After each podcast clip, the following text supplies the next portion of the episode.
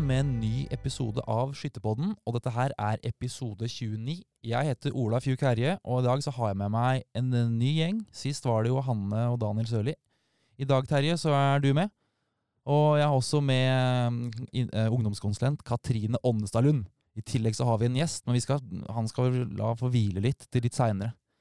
Terje, det var, eh, nå har det vært skytterting nylig, eh, og der skjedde det ganske mye spennende. Jeg kan jo aller først da begynne å si med hva som er poenget med dagens episode. Og det er jo, hva, er det, hva skal dagens episode handle om, Terje? I dag skal vi snakke om landsskytterstevnet 2022 i Bodø. Der skal vi bli mange. I dagens episode er rett og slett en LS-spesial. Uh, men vi kan nesten ikke gå altså Vi må nesten snakke litt om skytterting først. Jeg var, veldig, jeg var litt rart, var så, Det skjedde så spennende der, så jeg ville gå rett til det. Men vi må nesten snakke litt om skytterting først, som var nå nylig. Og det skjedde jo noe flere historiske ting der. Og spesielt det med Vi, vi fikk ny president. Ja, vi fikk en ny president, eh, Kari Sofie Brøndbo Fiskum, som da var den første kvinnelige presidenten i vår 129-årige historie og er også bare 35 år, så er også den yngste presidenten vi har hatt. Så det var et veldig historisk vedtak vi fikk på Skyttertinget. Ja, Og ikke nok med det, så fikk vi også en kvinnelig visepresident, så nå er det dobbelt opp i toppen. Ja. Eva Rubås Risvik rykka da opp som visepresident, så det har vi jo selvfølgelig heller aldri hatt. Både en president og visepresident som er kvinner. Nei.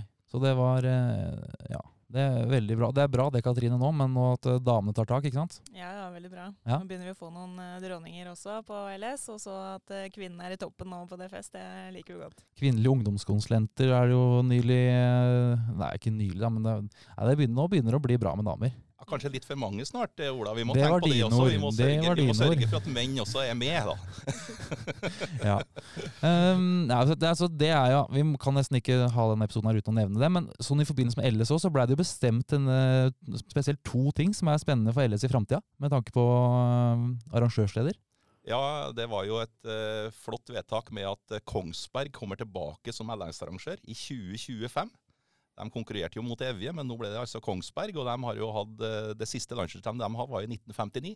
De har hatt tre før. 1918, 1938 og 1959. Ja. Så det er hyggelig å få tilbake Kongsberg. Og det blir jo en fantastisk arena som skal ja. bygges opp der nå, med hjelp også fra Forsvaret. Det blir bra. Og det, vi var jo på ting og fulgte med, og de sa jo de la fram eh, la fram planene, eller viste fram arrangementet, at de hadde jo, begynte jo allerede på 90-tallet å tenke på å ha LS. Og det hadde vært en lang prosess. Jeg er veldig glad også for at arrangørene sier at de skal arrangere tidenes LS. da. Ja. At de har, er så framoverlent. Ja, det, det, det, er godt å se nye arrangører som har det som uh, målsetting. Ja, det, det, blir bra. Da blir det jo LS på hjemmebane, Katrine. Det blir det, så da må man jo ligge i hardtrening for det og prøve å ta noe tittel der. Ja, du blir, skal du ha kioskvakt, eller hva du skal? Du må jo være med Ja, det blir jo det mellom slaga. Ja, det er bra, det. Nei, du jobber på skytterkontoret, så det, det får du ikke lov, har ikke tid til. Eh, 26 også ble bestemt. Ja, der var det jo en kamp mellom eh, Elverum og Lesja, og der var det et stort flertall som ønska seg tilbake til Lesja igjen. Så nå har vi jo vært der i 85, 95, 2005, 2015 og kommer dit nå i 2026. da. Det blir elleve år siden vi da var på Lesja, så mm. det gleder vi oss til. Det blir bra, og det jeg merka meg der de la fram, arrangøren la fram, så de trakk spesielt fram den der eh, Vassendguttane-festen. Og den skulle visst ikke bli noe dårligere neste gang. Så er, her er det bare å glede seg til, eh, til Lesja 2026. Ikke sant. Ja. Uh, det her er jo første gangen uh, dere er med i nytt studio. Vi er jo Lillestrøm denne gangen her også. Og uh, Hva tror du, Terje? Tror du dette her blir bra? Jeg tror det blir kjempebra. Ja. Det er flott. Ja. Um, vi har jo med, altså Det er en LS-spesial, og du har jo, vi har jo en skytterdronning her fra før av, men jeg følte Terje, at når vi skulle ha en LS-spesial, så holdt det ikke å bare ha med én dronning. Da må vi ha med litt mer også. Vi hadde en konge med sist, så det kunne ikke være noe dårligere nå. Um, og jeg tenkte jeg skulle kjøre en introduksjon av uh, dagens gjest. Sånn, det var så gøy med Daniel synes jeg, å lage en sånn introduksjon. Så selv om det ikke er gjesten det skal handle om mest i dag, det er LS, så tenkte jeg vi må ha en, uh, ha en introduksjon i dag også. Så da skal vi uh, se. og da, vi, har, vi, har, ikke sagt hvem det er ennå. så hvis dere har klart å unngå å lese det i teksten, så veit dere ikke hvem det er ennå. Så da kan dere bare prøve å høre nå. Hvem er det vi snakker om her? Dagens gjest ble født under landsskytterstevnet i Sandnes i 1994. Kun to dager før Erling Flesberg ble skytterkonge med 344 poeng. Til tross for sin unge alder er han allerede æresmedlem i både Klepp og Flå skytterlag. Som 18-åring flytta han til Jæren for å jobbe med oversjonering i Nordsjøen. Her ble han blant annet den eneste trønderen som har klart å bli lagsmester i Klepp skytterlag. Dagens gjest har vunnet Lerumcupen og Norgescupen, blitt nordisk mester i baneskyting, vunnet både Norma, Oslo Open og Han må ta pusten, var så mye. Og skutt 350 poeng to ganger i konkurranse, begge ganger i løpet av tre uker i august i fjor. Etter å ha blitt nummer ni på LS i, L i 2017, klatrer han helt til topps og blir skytterkonge på Evje i 2019. Etter den triumfen uttalte han til VG at det å bli skytterkonge, det er større enn å vinne OL. I 2020 vendte han nesa hjemover til Trøndelag og Flå skytterlag for å jobbe med traverskraner. Rasmus Løberg, velkommen til Skytterpodden. Tusen takk. Stemmer alt det her nå? Det er alltid spennende. Ja, du har uh, jeg hørte, bra research der. Ja, Hva er traverskraner, lurer jeg på. For det var noen som sa til meg at du jobber med Stemmer det at du jobber med det? Ja, det stemmer. Hva i alle dager er traverskraner? Det er kraner i industribygg som ja, på verksted og som løfter ting eh, for å montere f.eks. gravemaskiner og montering av sånt. da. Har du hørt om det før, Terje? Nei, dette er en verden jeg kjenner veldig lite til. Ja. Han jeg snakka med som fortalte det til meg òg, han var snakka en blanding av eh, sånn Egersund Nå skjønner kanskje dere hvem det er. Egersund og rogalandsdialekt, og jeg skjønte nesten ikke hva han mente. Um, uh, også, men jeg hørte noen rykter om Jeg sa to ganger 350 poeng. Stemmer ikke det? Er det tre? Tom Vega Fjellstykke, det står feil i statistikken din. Du må ha med hvem, hvem er den tredje, da? For jeg har med Først. to ganger i august i fjor, jeg. Første gangen var i 2020 på Lerumcupen. Siste der. ja.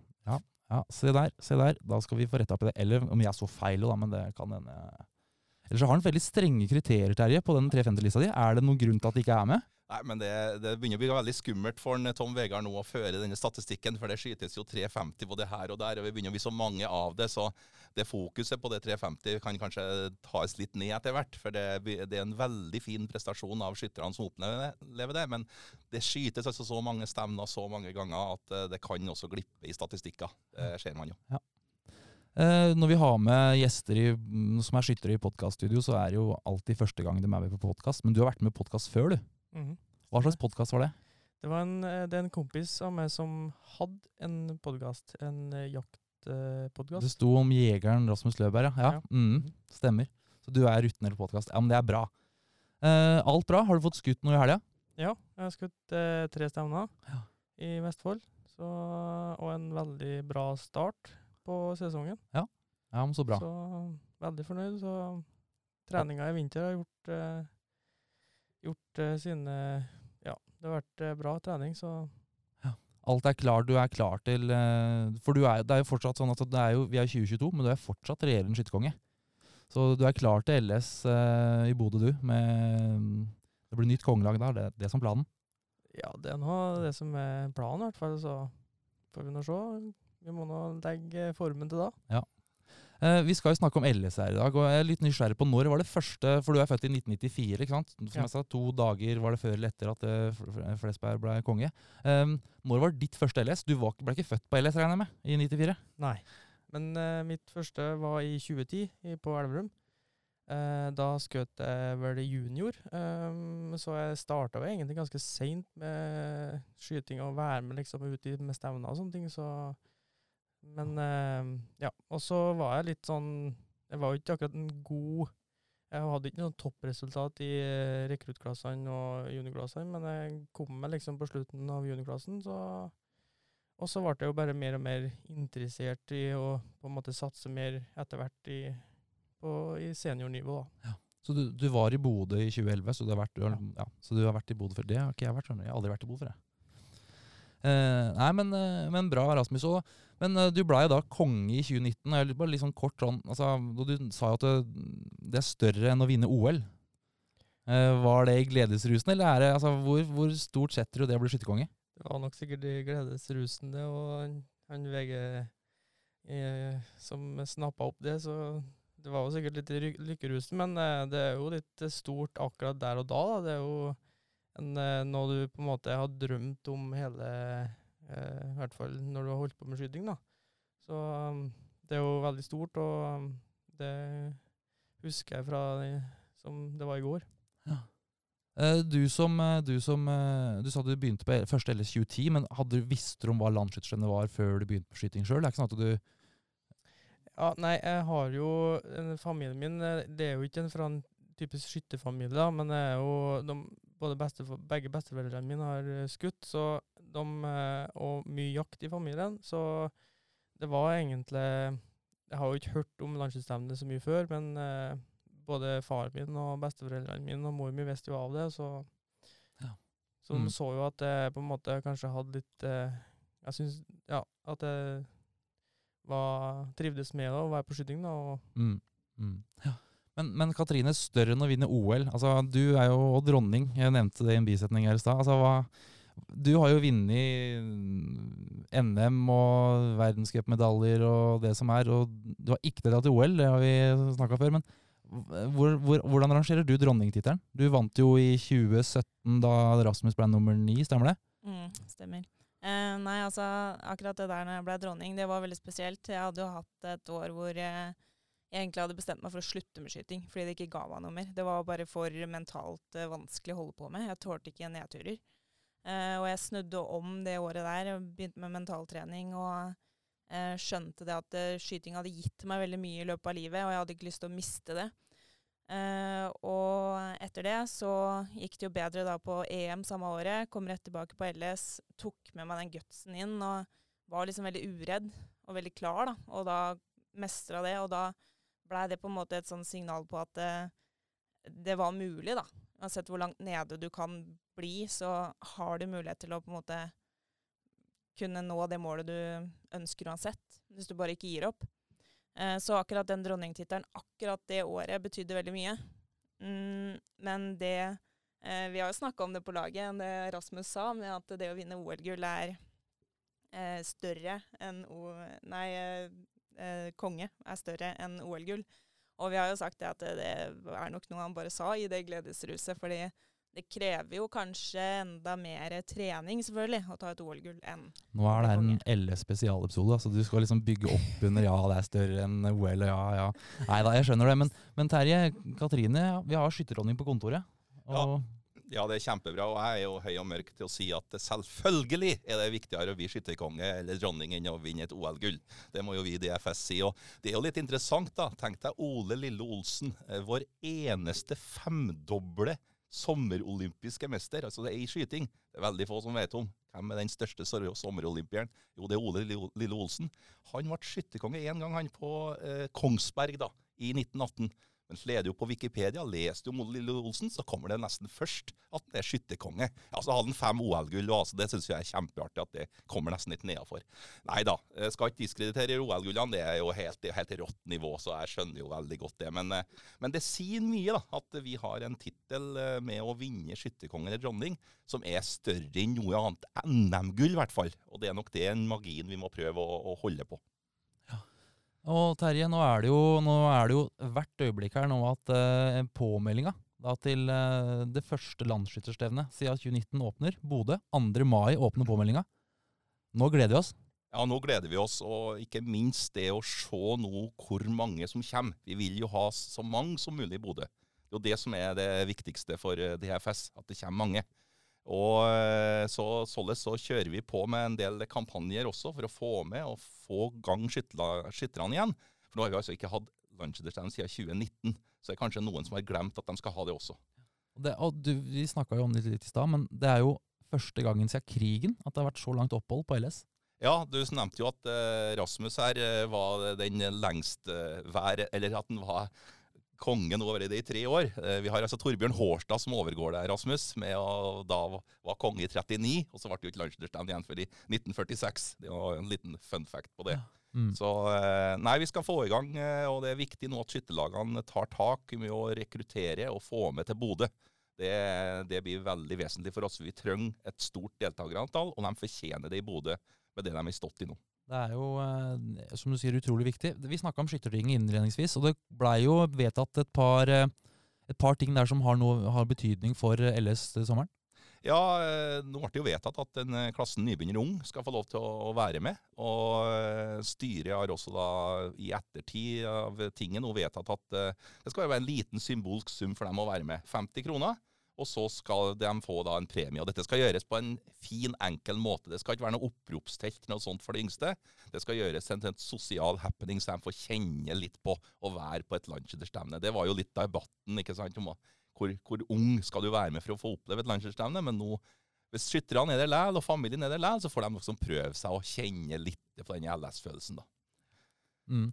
Og det, er, og det er jo eh, Jeg veit jo også at vi på skytterringa så vi hadde jo hatt eh, Etter at AG3-en eh, har nå blitt borte, så er jo så er det jo eh, sånn at det også har blitt bestemt at stangfinalen nå det skal være delt mellom de sivile og militære våpnene.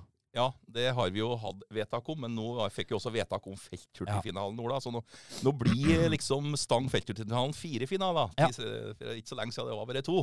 Så, og det er nok rettferdig sportslig sett, da. Det var jo masse testing her i vinter, som du sjøl var med på, Ja. om eh, det gikk an å forene det med HK416 og Sauer repetergevær.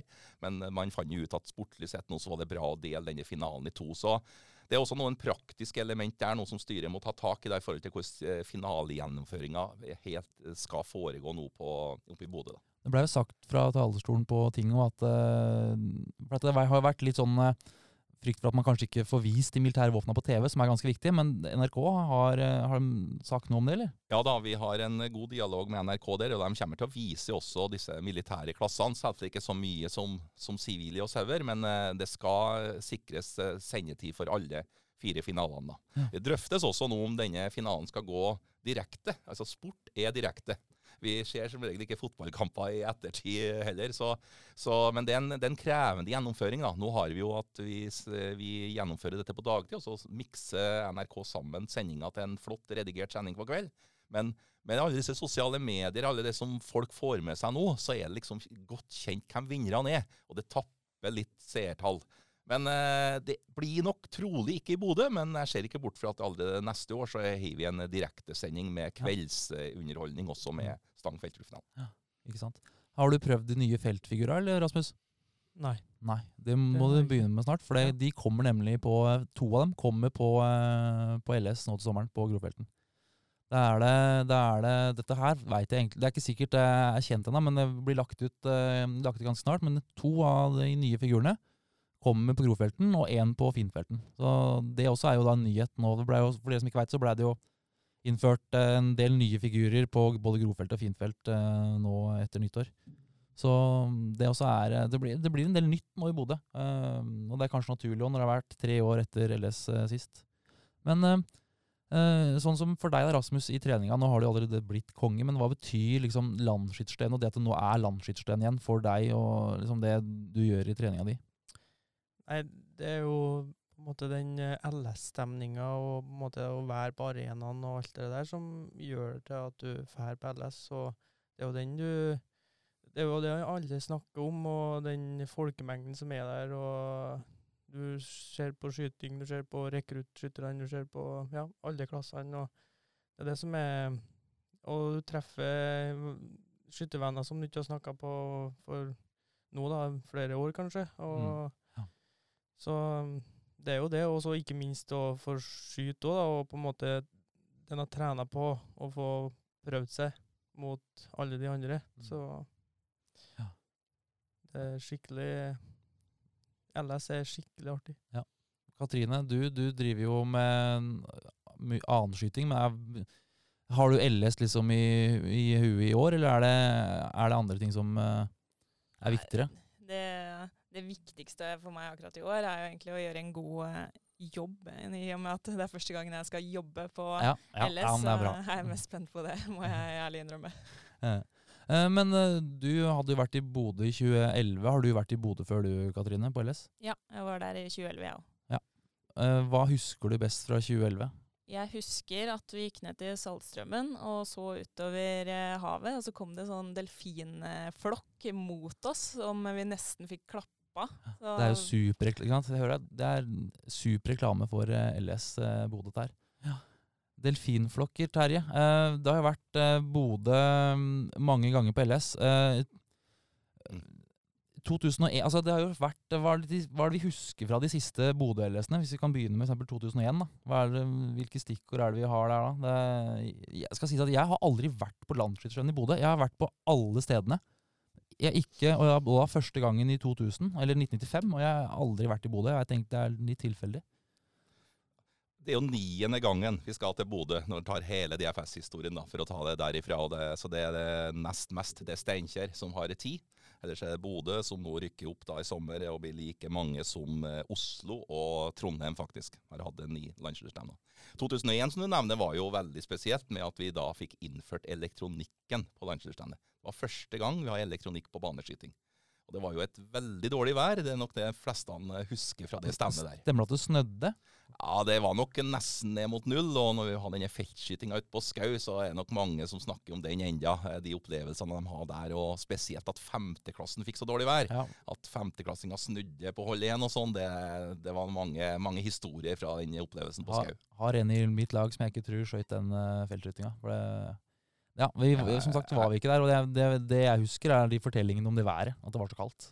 Husk sjøl at jeg skjøt to skudd på det ene feltholdet, og jeg var best i laget med to treff på kne. Det var min opplevelse der. Så jeg fikk jeg to skudd på eh, For det var helt umulig å sikte. Eh, Men hvem er, som, hvem er som vant i 2001? Jeg mm, burde sikkert tatt det på strak arm nå, men i, eh, nei. Jeg ikke Det, det vet du ikke, nei. Nei, men da får du tenke litt på det. Jo da. Du veit det, Veit du, Katrine? Nei, Rasmus, veit du hvem som vant i 2001? Nei, Var det Fossli? Kan Sorry, jo, du kan tenke, du du kan tenke litt fortsatt. Du kan tenke litt eh, videre. Men skal vi til Vestlandet, er for spørsmålet. Skal vi til Vestlandet, er spørsmålet. jeg et bilde av en kar her. Jeg klarer ikke å se det likevel. Det er Arild Brodal som vant i Ja, 2001. Arild Brodal, ja. Ja. Arild Brodal, ja. Og Hans Bakken ble jo, Det er, prins. det er han det er bilde av, skjønner du. Jeg tenkte han, ja. Ja. Mm. ja. Uh, men hvem er som, siden det var så dårlig vær på felten, hva, hva, hvem vant felten? Ja, det var altså vi, vi hadde jo en eh, veldig til feltskyting der altså Hans Bakken vant til slutt. Han ble også skytterprins. Ja, og det, så, eh, men, altså, det var været som da var i 2000 og 2001, men det var jo Det var kanskje en, Det var mer altså, 2011 var mer spesielt. Ja, Det er jo derfor også at man kan ha en ekstra tanke til Bodø som skal arrangere nå igjen. Vi har altså arrangert et landsdelsstevne rett etter 22.07. Eh, og det var jo en helt spesiell stemning på landsdelsstevnet i 2011 at vi skulle ha et skytterstevne etter 22.07. Og det var jo helt opp på regjeringsnivå om det i hele tatt gikk an å arrangere det. Men det ble veldig fint. Vi hadde ikke med oss NRK da, men hele stemningen eh, ble veldig god. Så, og det var jo også fint vær og en rolig, fin stemning. Så, så var vi i ettertid veldig glad for at vi gjennomførte. At skytterfamilien var samla.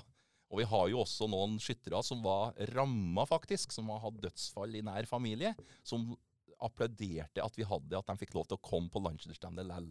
Og uten dem, stemmestøtte, så hadde det nok vært, vært, vært umulig å arrangere et landslagsstevne. Mm.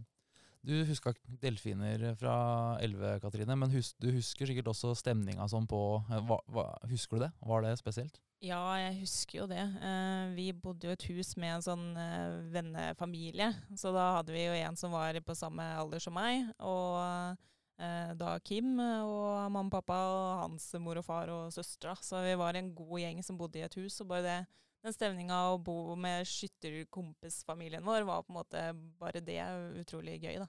Alltid noen å leke med og løpe rundt på. Leite etter kameraer for å bli sett på storskjermen og litt sånne ting. da. Mm. Eh, Du, eh, du var jo Hvor gammel var du da? Men du var, var seniorskytter du da?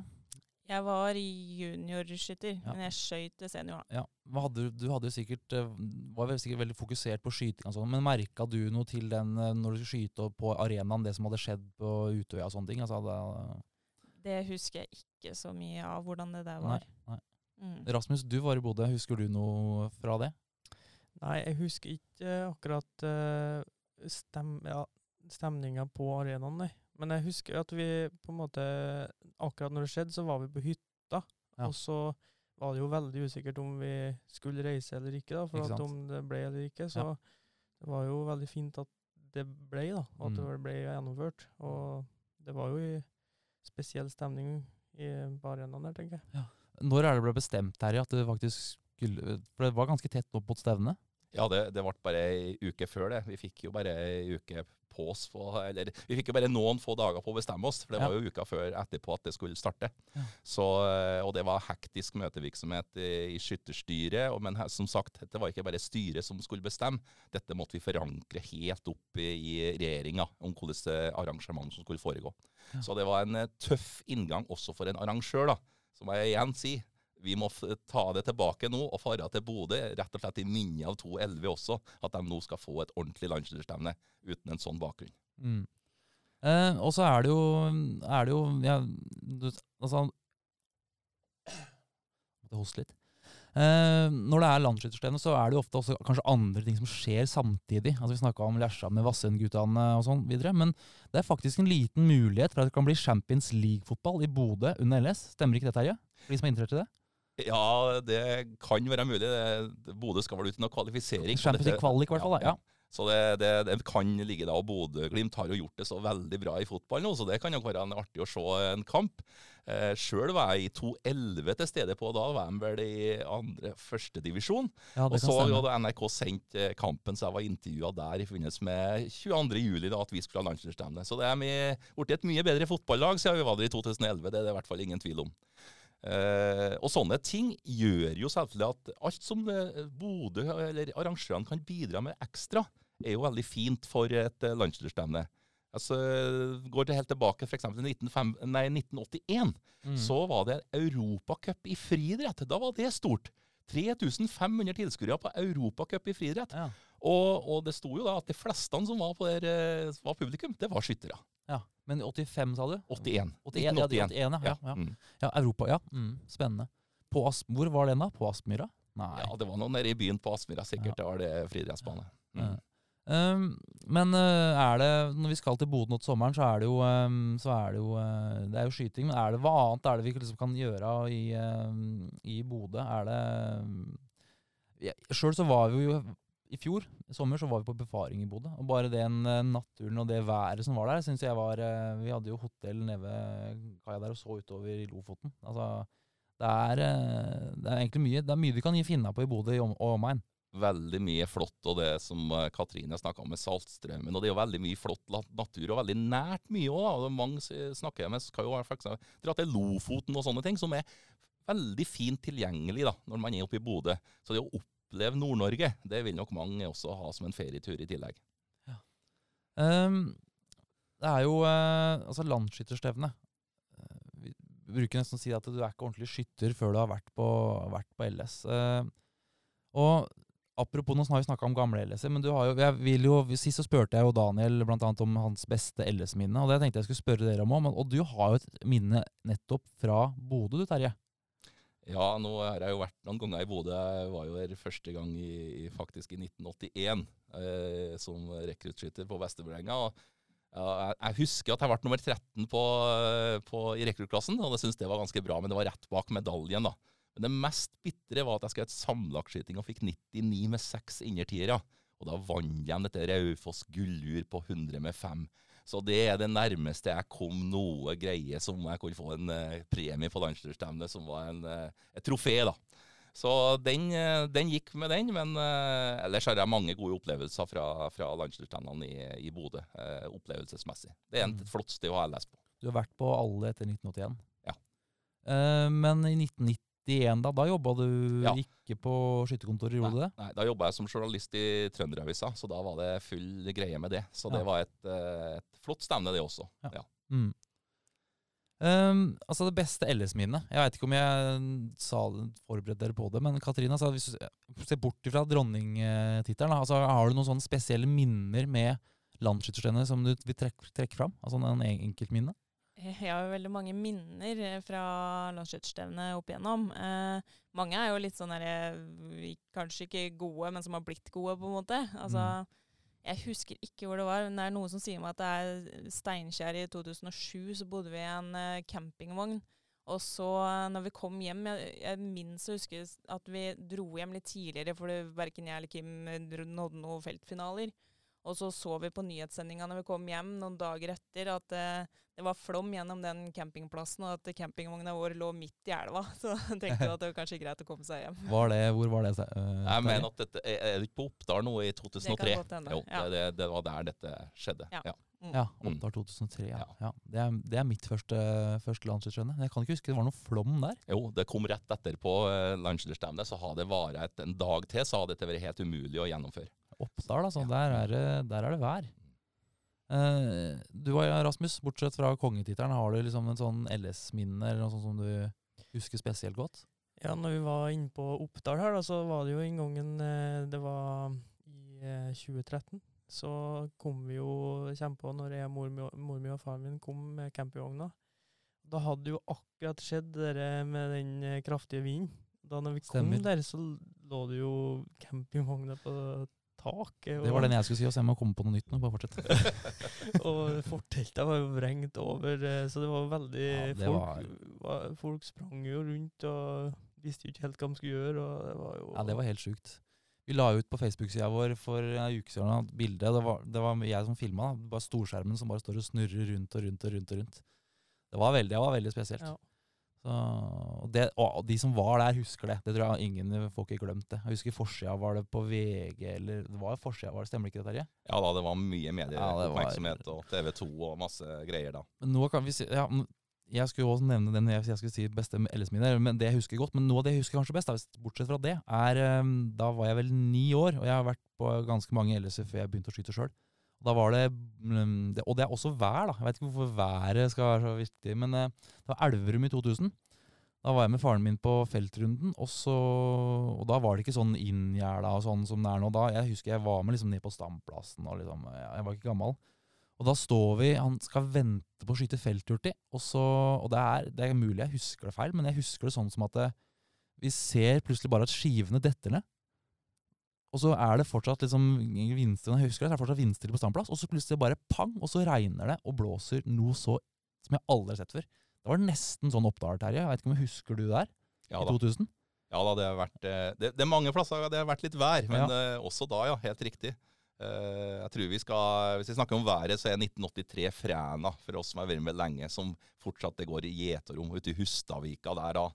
Da var det vind, og det pågikk jo så lang tid også, Ja. da Bjørn Solberg ble, ble skytterkonge. og Skytterne trakk seg så langt tilbake på standplassen som mulig. De sto nesten helt i veggen og støtta seg på bakveggen. For at de ville ikke stå ute, ikke sant. Og da Solberg da et innledende skyting 2.41. Jeg, jeg ser fortsatt Det var Ja. ikke en kjempepoengsum, men det å gjøre det i det været eh, Da har vi kragen òg, sant. Det var helt, helt Største utrolig. altså. prestasjon? Ja, og eh, Edvin Aamodt ble jo da skytterprins. Og egentlig sånn sportslig sett så hadde det vært nesten, en, eh, nesten litt dårlig forstemning om konge. Han skulle ha blitt konge, da, for han skjøt eh, i en klasse, et klasse tre, da, så han var et mye bedre vær, rett og slett. Så, men han fikk jo sin kongetittel senere, heldigvis, enn Edvin også. Vi får håpe. Vi satser jo på, og, vi, og som sagt, hvis det blir fint vær i Bodø, så er det jo ikke noe sted som er finere enn finere enn der. Det er jo Jeg, jeg kommer ikke unna den der eh, Oppdal. Altså, vi husker sto inne på inne, Vi skjønte jo Vi bare sa, Alle sa ok, gå inn på skytterhuset, for jeg satt på pressesenteret der. Og ute på terrassen. Og så står vi og ser ut, liksom, ja, nå blåser det, og så ser vi liksom at plutselig flaggstanga bøyer seg. Og så ser vi bort mot skyvene, og de skyter jo fortsatt ut på et, et eller annet sted. Og plutselig så ser du bare frontskivene på banen på 200 meter, bare rett opp i været. Sånn 20 meter opp i været. Ja, det var, eh, det var helt vilt, faktisk. Eh, vi satser på at været i sommer blir såpass bra at vi husker at det var bra. Og det, det, det hørte jeg det var bestilt der oppe, så det er bare å melde seg på. Eh, Men Terje, landsskytterstevne. Nå sitter vi i Lillestrøm, og når vi er i Lillestrøm, så er jo det egentlig det er jo et ganske hvit flekk på kartet når det gjelder, kommer til skyting og skytterlag og sånn. Altså det, det er jo ikke noe skytterlag i Lillestrøm. Så kan man tenke sånn at ja, Lillestrøm er en by osv., osv. Men jeg veit ikke om du har tenkt så mye på det, men jeg har tenkt litt på det. Jeg er jo nesten lokal. og Grunnen til det tror jeg er at eh, Lillestrøm, når skytterlaga begynte å, å danne seg på 1860- og 70-tallet, så Lillestrøm var ingenting. Det, ingenting, for det kom først, eh, kom først med jernbanen. Men, når, Lillestrøm og skyting eh, For mange så tenker kanskje Jeg vet ikke, hva tenker dere på når jeg sier Lillestrøm og skyting? Tenker dere på noe da? Vi kjørte forbi det Ja, vi, stedet vi tenker jo selvfølgelig på Magne Landrød, Ja. som, eh, sånn tragisk eller tragisk. da. Han gikk bort her i vinter, og han eh, begynte å bli en eh, gammel mann, men han er jo en legende i DFS. Og har den butikken sin her Ja. i Lillestrøm. da. Så for skyttere så er jo dette et eh, sted å dra på når man skal ha skytterutstyr. Og når vi har LS spesial, så er det også en mann å nevne. Han er jo eh, Ja. Absolutt. Tre han er ganger? tre, tre ganger skytterkonge. Han er jo også Nord-Norge-kongen. Han vant jo alle sine tre titler da i Nord-Norge, så det er jo også spesielt. ja, ja. han gjorde det, Ja. ja. Målselv og Bodø. Og Bodø, ja. Mm. Ikke sant. Uh, men uh, Og Alta. ja, og vi har med Alta. 76. Ikke sant. Det var jo noen som mente at han burde vært på minnemedaljen, men det blei ikke noe av. Nei, det var litt sånn praktisk også det i forhold til at vi hadde bestemt hva som skulle være der og sånn, så det Ja. har litt med leveringstid og sånne ting, men uh, vi skal minnes han når vi er i, i Bodø, og, og NRK laga jo også en liten minne på han her i vinter, og det vil sikkert bli ført opp også når vi kommer til Mm. Vi sitter jo bare en 300-400-500 meter unna, unna der som eh, butikken hans er. Eh, men Landre vant i 19... Når vant den siste? 1981. Eh, 1981 ja, vant så var han jo, var han jo prins så sent som i 1989. Ja, det var det jeg skulle fram til. For at, for at ja, ja, stemmer. Da var han ganske, begynte han å bli ganske gammel, gjorde han ikke det? Ja, men ikke i sånn skyttersammenheng, så var Nei, han ikke gammel. hvem, men hvem er den eldste skytterkongen vi har? Ja, det var den eh, tidligere nevnte her, Torbjørn Hårstad. Eh, Ja. 51 år var han i 1939, så vi holdt jo på Hvis ikke Rasmus ble konge, da, så har jo vært en Tor Harald, og da har jo han vært helt på samme året, eh, faktisk i 2019. Hvor gammel var han Sklett når han vant, da? Nei, Sklett var ikke veldig gammel, for han var altså i 66, så det tar jeg ikke helt i hodet mitt her nå. Jeg, jeg, men- sk- jeg har skrevet i notatene før sending her. Ja. Loren Ski Sklett er den eldste skytterkongen vi har. har jeg skrevet. Hvorfor, har jeg skrevet, det. det? Har du skrevet fordi at eh, Sikkert noe du har hørt av meg, dere. Når Magne Landrød nå da Ja, døde, ja nå så jeg. Nei, er, nei. er, er overgang. altså Skelett fra Namdal, eh, Grong, eh, den som eh, er lengst, den gamleste skytterkongen, da, ikke 1966. Vi har ikke noen nå som lever Se som er der. konge tidligere enn det.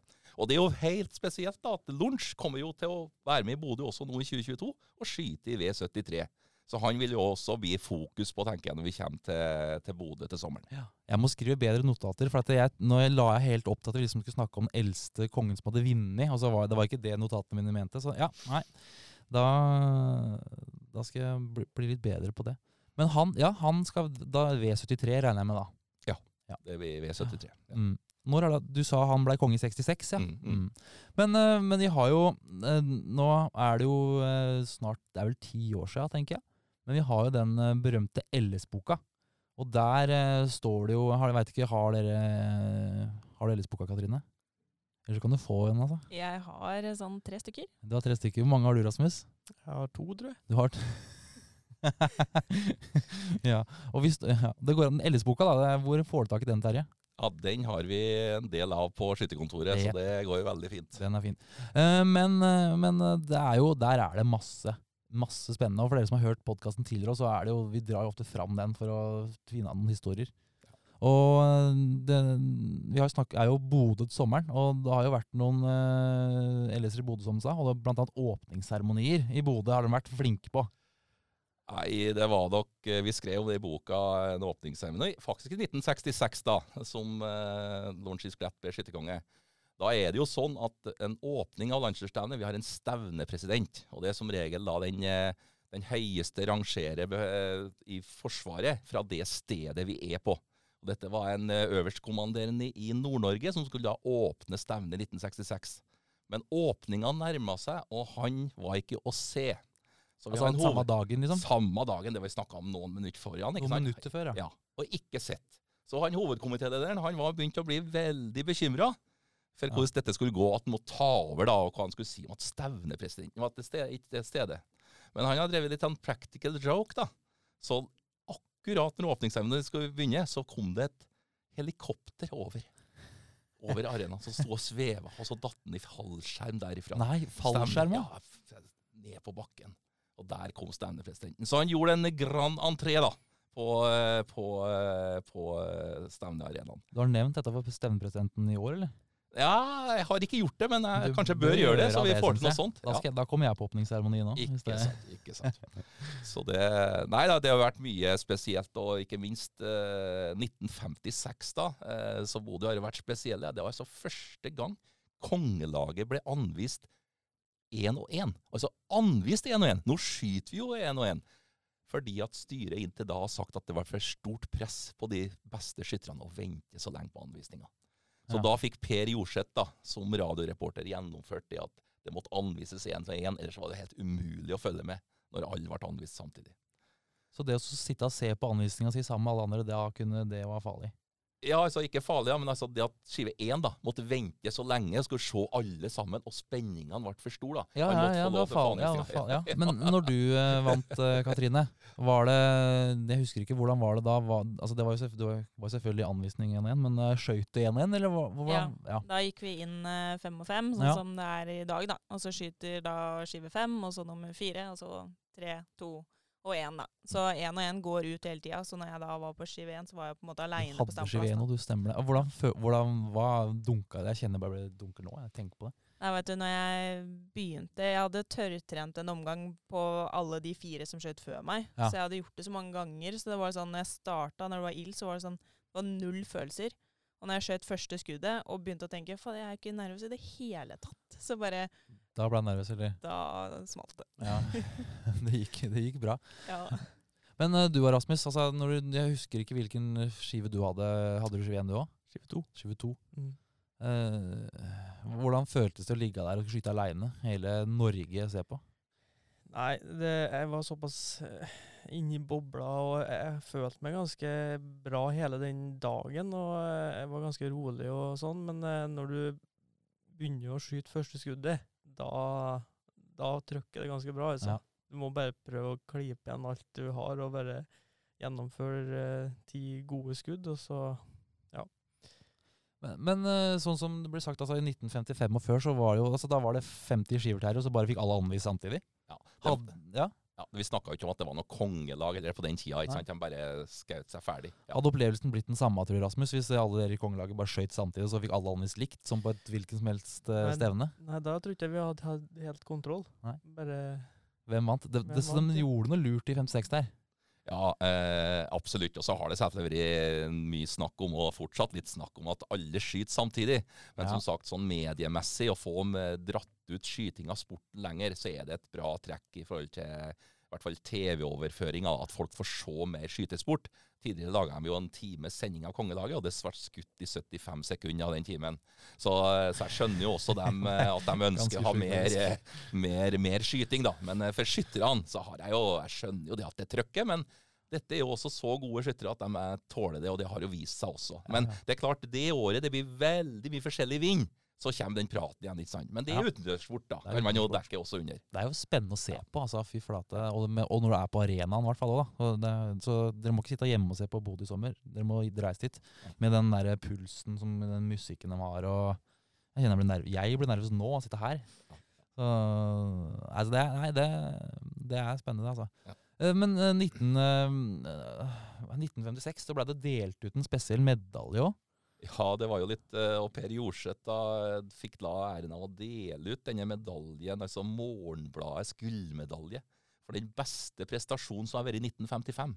Ja. Og det var altså Lars L. Ese da han jo ble skytterkonge for fjerde gang. Den eneste fortsatt som har fire kongetitler. Eh, og han eh, fikk da det som den beste prestasjonen som har vært i Norge da i, i 1955. Det er det eneste en DFS-skytter som har fått denne gullmedaljen. da. Lars Ese, da, som har faktisk eh, for en måned siden hadde kommet til å blitt 100 år. Eh, han døde jo så altfor tidlig som 38-åring i, i kreft. Ja. Så han er jo en legende i organisasjonen. Så, eh, så det, det sier statusen til skyttersporten også da på den tida, at du fikk den. Vi måtte jo, vi måtte jo google den eh, morgen, morgendagens medalje, og det er jo eh, morgen, ikke morgendagens, morgenbladets medalje. Og vi fant jo ut det at det heter jo nå Aftenpostens gullmedalje. Mm. Og det, den som vant den i fjor, det var jo, eh, det var jo Erling, Erling Braut Haaland. Så det er ikke noe tull der. Det var en, eh, for jeg tenkte at dette var noe sånn, ja ja, men dette er, den har gått siden 1933. Ja. Og det er mange som har vunnet der. altså. Det er Oddvar Brå, det er eh, ja, Espen Bredesen, Geir Moen, Rodal, Dæhlie, Bjørndalen og Lars Lese. Den yngre. Jeg husker aldri om den er yngre eller eldre, men Hvis Rasmus da vinner fra 2022 til og med 2026, som han sikkert har anledning eller lyst til å gjøre, mm. så vil han kanskje begynne å nærme seg. Da Da vinner jo også den eh, lengstværende skytterkongen òg, for da tar han jo igjen Torbjørn Hårstad. Men eh, det skal vel litt til, eh, Rasmus. Men det er ikke, opp, det gikk deg imot, tror jeg. Han får nok litt konkurranse av noen av de fotballspillerne, tror jeg. Ja. Det er, Haaland, og nå driver Ødegaard og fælt der borte. og sånn, og... Ja, for du tror ikke vi får konkurranse på Lanchester-standet? Han kommer til å vinne de, de, de årene. Nei, det- ja, det, det tar jeg som selvfølge. Men Katrine sier at du ikke bare skal jobbe, så da blir det da. Ja da.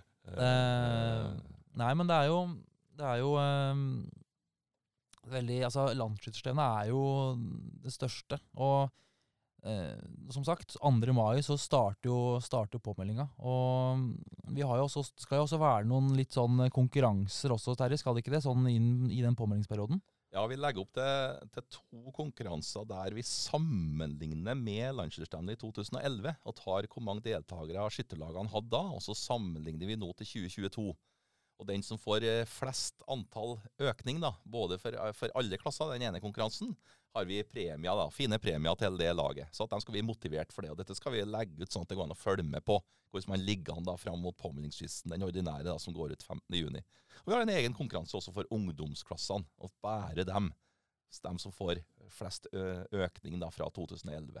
Jeg funnet ut at det er den mest rettferdige måten, for en må liksom se på geografien. Og da er liksom sist, ta utgangspunkt i sist i Bodø, da. Det er jo Altså vi, Det er jo viktig å reise på landslagsrenn. Du snakka jo litt om det i stad. eh, og jeg kan jo sjøl ta eksempel på når vi eh, I mitt skytterlag, når vi har eh, nye som drar på LS første gangen, så er det, jeg syns det er like gøy hver gang. fordi at det, når de kommer på det, så de har kanskje vært og skyte i Skyte i noen stevner, altså skyte en del stevner på Østlandet som- for min del. og Skyte kanskje største de har vært med på, er Viken 2, da, som er jo et stort stevne, men sammenligner med LS, så blir det jo altså, det er jo ingenting. Så det er jo alltid like gøy å se dem komme opp på arenaen første gangen. Se storskjermen, se kanskje det er 1000 stykk på arenaen. Spiker. Altså, de står der og bare tenker hva i alle dager er det her for noe? Eh, og, og min erfaring er at de, når de drar derfra da, så har de på en måte blitt skyttere på, holdt på å si, på livstid. da. Jeg vet ikke, ja. jeg vet ikke om, du, Er du enig, Katrine? Ja, jeg tenker det samme. Nå er det, det er jo ganske mange nye skyttere nå på de tre åra de ikke har vært LS. Så de, har jo aldri fått oppleve dette her, og har kanskje holdt seg sin skytterhall i tre år. Det å komme seg ut og oppleve det der, det tror jeg er utrolig viktig. Da tror jeg vi kan beholde ganske mange. Mm. Hvis, øh, hvis, eh, hvis du skal gi en eh, kort nå skal, du, nå skal du selge Nå skal du jobbe som selger, og så skal du kort si eh, eh, hvorfor noen hvorfor, ja, En skytterlager skal på LS. Hvordan skal du overtale den personen hvis du skal gjøre det her nå? Lytteren, Nå sitter lytteren her nå og tenker sånn Ja, jeg fikk litt lyst til å reise på LS. Nå skal du bikke den over den siste til å si at den har lyst til å reise. Det ser ikke ut som Jeg har ikke forberedt deg på dette. Nå er jeg glad det ikke er kameraer her, for det er mange grimaser. Nei, den var litt vanskelig, Ola. Det var litt slemt, faktisk. Rasmus. Nå, nå, altså, nå, nå har han snart Nå mista han lista her. Eh, Terje, da, altså, hva, hvis, altså, hvorfor skal du dra på LS når du er DFS-skytter? Hva er livet uten et Lanchester-stevne? sier jeg. Så Det er det viktigste som er det å dra på Lanchester-stevne. Det er jo ikke en sommer uten å være på Lanchester-stevne. Vi vet jo hva vi har mista, vi nå som har glippa det et par år. Nei, jeg tenker det å, å få med for den opplevelsen og få akkurat det du snakka om i stad, stemninga på en LS-arena, det tror jeg er veldig sånn oppbyggende for alle. Å kjenne på dette fellesskapet og være til stede. Ikke først og fremst skytinga til seg sjøl. Det er klart det er kjempespennende med oppropstelt og alt det vi gjør, og spiker og sånn. men og, og alt det vi lager rundt, men det er skyttercampen, det sosiale fellesskapet, å treffe folk fra hele landet. Du knytter livsvennskap, ikke sant? Og ungdommene som møter ungdommer fra andre landsdeler. Det, det skaper noen verdier som en tar med videre. Jeg ser jo sjøl, jeg møter igjen folk som er skaut sammen med rekruttklassen og juniorklassen Velles. Og så husker jeg, gikk ikke vi feltleir på i lag? Ja, var det i 86, eller når var det vi gjorde det igjen? Bare sånne ting er altså så herlig med dette landsdelsstevnet at du får, eh, du får liksom se hele landet, da, hvordan andre gjør det, osv. Og så er selvfølgelig sporten veldig spennende. Det er klart at den er det. Nå fikk jeg lyst til å dra ja, nå, Sånn, han hadde solgt det nå. Er han Sånn med, han eh, Ja, sånn. Det er fasit. Uh, ja, ikke sant. Og ehm, jeg hadde et kurs eh, for litt siden. Jeg var ehm, på gamle hjemmebanen din nesten, på, på. Og da, og da snakka jeg med LS, og sånn som vi gjør nå, egentlig. Og så sa jeg For der var det flere som var sånn Ja, det er litt langt, og jeg vurderer litt sånn, da. Men så spurte jeg når, Hvis dere drar på LS i sommeren, kommer dere til å angre på det? Nei, alle var enige om at det kommer dere ikke til å gjøre. Så der har du, tenker jeg du har, eh, har eh, svaret der.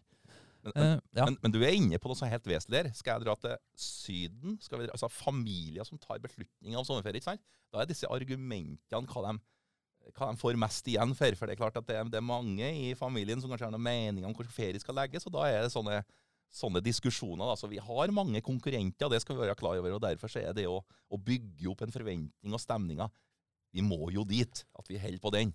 At det, det er viktig. da. Så Norgesferie er jo skikkelig på oppsving nå. Da drar du til Bodø, som vi sa i stad. Da får du eh, Norgesferien, du får Lofoten, du får alt, og du får LS i samme, samme smekken. Ja, og det at, at skytterlag også blir litt flere. For når én detter ifra, så kan en neste altså Det en sånn, kan være en sånn dominoeffekt på negativitet. Ja. Hvis flere begynner å dette ifra. Derfor er det så viktig å, å ta runden og så snakke med folk også nå.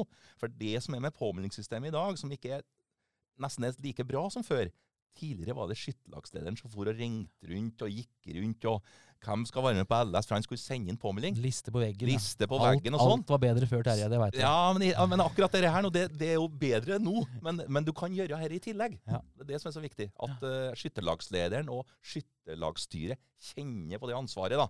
At uh, oi, eh, jeg har sett at den og den ikke er påmeldt. Det må vi ringe og høre. Hvorfor ikke?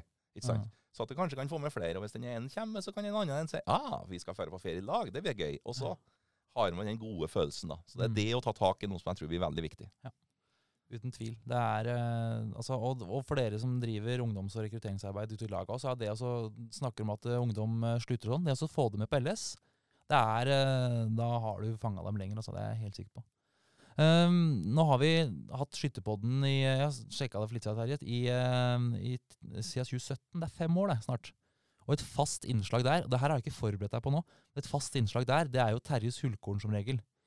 Um, og det, det, det her også jeg var litt grimaser nå, jeg har ikke forberedt meg på det. Men, men altså, du har jo LS-boka der foran deg. Og, og, er det, altså, og for dere som ikke har hørt uh, Terjes Hullkorn før, så må dere jo selvfølgelig gå tilbake på noen tidligere episoder. For det hele poenget er da at eh, Terje kommer med noen eh, historier, anekdoter eller et eller annet fra, fra gammelt av. Jeg vet ikke, Har du, eh, har du hørt Skytterpodden før, eh, Rasmus? Ja. Ja, Så du har fått med deg eh, det, har noe, det har vært mye diverse historier der. Eh, jeg veit ikke, Terje, nå prater vi her litt for oss å gi deg litt tid til å finne på noe, men nå må du nesten komme med det. Nei, nå tror jeg jeg tenkte jeg, eh, Den jeg har tenkt, egentlig, hvis du, hvis du, så var jo denne saken med han stevnepresidenten som kom fra, fra helikopteret. Ja. Den har vi tatt. Den, altså. og det, så den har, den har vi tatt. Men altså, eh, hvis vi tar Bodø, da. eh, jeg må tenke, Dette måtte jo være noe fra Bodø nå. Ja. Og 1991, eh, det var et veldig spesielt år, for da skulle altså NRK så sende eh, kongelaget direkte da, eh, på dagtid. Det har jo også vært sånn at det, var på formiddagen, og så gikk det om eh, ettermiddagen. da. Mens nå skulle de ha direktesending. Og det var altså masse tekniske problemer med sendinga. Så det som altså ble eh, minne, og, og Tord Bertinussen, som faktisk nå skal være pressesjef på stevnet, han, eh, han forteller om denne hele tida. Og det var altså en eh, trubadur, Jack Berntsen. Ble sittende ja, Berntsen. Ja, satt med gitaren, samla noen unger, og så spilte låt på låt på låt. Dette tok jo all verdens tid. Altså, så, så sendinga i 1991, når du ser den, så er det ganske spesielt. Jack Berntsen, ja, en eh, trubadur som, eh, som eh, var kjent. Eh, han er vel ikke med oss lenger nå. Det, det, det var et nesten litt sånn Hvis man ser den LS-sendinga, og så ser hvordan LS-sendinga er i dag, så, så var ikke ting bedre før, nei, eh, i det hele tatt. Det var en lav terskel for hva han viste på TV-en. Det var en lav terskel. Vi fikk jo da Yngve Lorentzen, da, som ble skytterkonge i 1991. Og det er en av dem som jeg har vært på Facebook og sagt Yngve, du må bli med igjen. Han har jo litt forsvunnet over i langrennsmiljøet. Han må stille igjen, ikke sant. Fluor og greier og Ja. ja. Så, så han må vi få med oss igjen. Yngve, på LS i 2020. Ja, du har vært på Facebook, ja. ja men det er jo en, um, altså, en måte å gjøre det på. Så har du, en oppfordring. Har du en gammel skytterkamerat som du kun ser på LS. Ja. Der eh, må du få den med. Da. Send deg en melding på Facebook. Legg, altså, legger vi et bilde fra gamle dager, vet du. Da er, eh, da er det Ja, gjør det. Ja. Og, det, og dette, den terskelen, for det, det må jeg si at det er en utviklingstrekk som jeg er litt engstelig for. er at det, Hvis folk begynner å si 'jeg er ikke god nok', jeg har ikke noe på landslagsstand å gjøre, har da har vi tapt. Det har ingenting med saken å gjøre. Du må ikke være, ha Rasmus eller eh, Katrine ønsker om å bli sant? Det er ikke der om å bli kongelaget. Det kan være et lite beger. Du kan slenge med det i en feltgjort i en stang. Bare vær til stede. Så det at det er noe kvalitetskrav, det må vi helt bort fra. Det er varme for hvem som helst i alle klasser. Og det med beger er fascinerende. Vi ser jo, det er jo Jo Jo Ivar Løvseth har jo den statistikken han fører. Og hvor mange som har beger, og hvor viktig det virker at det er for folk. Da. Det er ganske gøy å se. Absolutt. Ja. Så dette Nei, så vær med alle sammen, og, og støtte opp under alle også. På alle nivå i, i skytterlagene. Det er viktig. Eh, Katrine, nå skal du jobbe på LS for sky- skytterkontoret til sommeren. Men er det, er det skyttercampen som eh, har vært eh, greia, eller er det, er det sånn hytte, leie hus, hyttefamilie? Vi har eh, gjort veldig mye forskjellig. Uh, når jeg var liten, når jeg var rekruttskytter sjøl, så var det camping med skytterlaget for det meste. Mm. Og så når vi ble eldre, så ble det litt sånn hus med skytterfamilie, kompisgjeng. Ja. Um, litt forskjellig år etter år, egentlig. Ja. Så campingvogn, det var det vel egentlig pappa som til slutt ikke orka mer. Han gammel mann med vond rygg, det passa ikke. Så, men det er jo camping jeg hadde, har best minner fra fra jeg var liten. ja. Når vi fløy etter påfugler eh, som uh, bodde på campen med oss. og, eh, Påfugler? Som, ja, ja, ja. Jeg husker ikke åssen det var, men det var jeg og Jon fra Jondalen som uh, løp etter disse. Hei, Jon fra Jondalen. Jon Husker du påfugla? Ja, ja, ja. Det er også et av mine beste minner. Ja. Eh, Rasmus, er det camping? Er det telt? Lå du i telt når du ble konge, eller var det Nei, når jeg ble konge, så var det campen i campingvogn. Ja. Så det har vært campingvogn eh, alle de åra, men i år så blir det hus. Det blir med hus, ja. familien. Ja. Så eh, skal faktisk ha eh, Ja, det blir både beste, bestemor og så har jeg tante og onkel som kommer fra Danmark, som skal være med og se. Oi, så, det, blir press, det, blir, det presset øker her nå, hører jeg. Stort press, Ja. men eh, du får nå takle det. Ja. Men det er skyttercampen som har liksom vært LS for deg? Ja. Det er, de, det er minnene, gode minner derifra. Mm. Det er jo sånn, Terje, og det er jo skyttercamp i år også.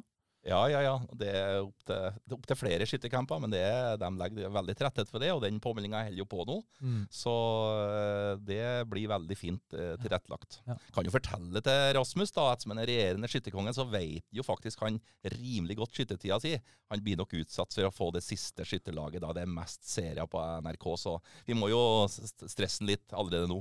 Ja. For det er en greie at kongen kommer til slutt. Det har vi reglementert, på en måte, at Ja. vi tar med det i siste laget. Var det en periode hvor det var litt sånn tilfeldig, når jeg lager hermetegn, eller har det alltid vært sånn åpent at eh, kongen har kommet til Nei da, slutt? vi- det er noe vi har gjort de siste årene for å Ja. bygge opp. da. Bygge Ja. opp, Men eh, at vi, vi sikrer oss eh, de, beste skytterne. Så dette er jo også litt i samarbeid med NRK. da. Det er jo sånn i øvrig idrett også, at det er seeding osv. Mm. Men noen er eh, tatt ut da, som vi, som vi tar, tar til slutt. da.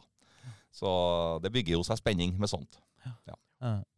Nei, det er jo Men har, du og Terje, du har jo jobba på skytterkontoret siden jeg ble født, holdt jeg på å si. men var det campen som var det? Altså, skyt, vi la, så jo bilder på Facebook eh, si DFS eh, før eh, eh, I påsken var det vel? Da var det jo camp fra 1966 eller noe. Altså er det um, Campen har vært på LS alltid?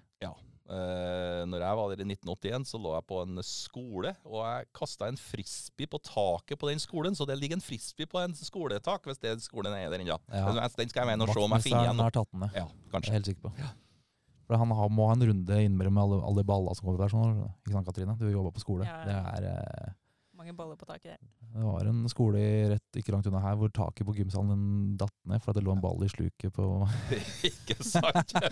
Apropos. Nei, bare, for å ta det, bare for å ta en historie da fra 1981. Jeg skal, jeg skal fortelle en synd som jeg gjorde i 1981. Ja, Og det var på, jeg var på SAS-hotellet med min bror ja. og spiste pizza. Og Det var det en syn i 1981, å spise pizza? Vi, ja, vi spiste pizza, og det var jo så svært for oss å få lov til å gå dit. Men jeg var ganske sikker på min bror gjorde opp regninga. Og han Oi. trodde at jeg hadde gjort opp regninga, så vi stakk fra regninga. og nei nei. Så jeg kom tilbake 20 år etter og sa det at eh, jeg stakk fra regninga. Men det var ingen som var interessert i noe betaling da. De visste ikke. Så, sånn var det. Terje, da. Ja. Her kommer det fram. Du hører kun på Skytterpodden. ja. Nei, men, eh, men bra. Altså, ja. Rasmus, eh, du har starta banesesongen, og, og jeg har selvfølgelig sikkert LS som det store målet. Hva er planen for idrett skyting nå, nå i år? Nei, jeg skal nå prøve å være med på noen cuper. Norgescupen skal jeg være med på, og litt eh, Lerum Cup. Og så får jeg se hvordan eh, Ja, så begynner noen, noen lokale stevner i Trøndelag, da. Eh, og ja. Så um, målet er nå i hvert fall landslagsstevne, og så Ja. får nå Mm. prøve å legge formen til det. Har du noen tanker om nordisk, da? Eller er det Ja, jeg har jo alltid lyst til å være med på det òg. Ja. Så kan å legge inn en god søknad. Det må du gjøre. Eh, jeg tenker at vi skal eh, så smått avrunde her. Nå har vi hatt da en LS-spesial. Og som vi begynte med å si, altså vi, nå, har vi, nå vet jeg at nå har vi overbevist alle som hører på her nå, på det dreier på LS. Så da er det egentlig bare å vente. 2. mai åpner påmeldinga. Eh, så da, er det, og da regner jeg med at dfs.no, da koker det. Det, å, det er umulig å logge seg inn den dagen, der. Da alle skal melde seg på 2. mai. Det er det som er, er målet vårt. Så ja, jeg vil egentlig bare si, eh, si eh, takk, Rasmus, for at du tok deg tida for å komme fra Trøndelag eh, og være med på skyttbåten Og så skal vi egentlig bare si, Terje, at eh, vi ses i Bodø, og at dere snart får høre oss igjen her på skyttbåten også. ikke sant? Vi kommer tilbake igjen snart, vi. Vi kommer tilbake. Yes, nei, men da Takk, Katrine, og takk for at du var her. Da sier vi bare takk for at dere hørte på, og så hører dere oss snart igjen. Og så ses vi på Bestemorgjenga til sommeren.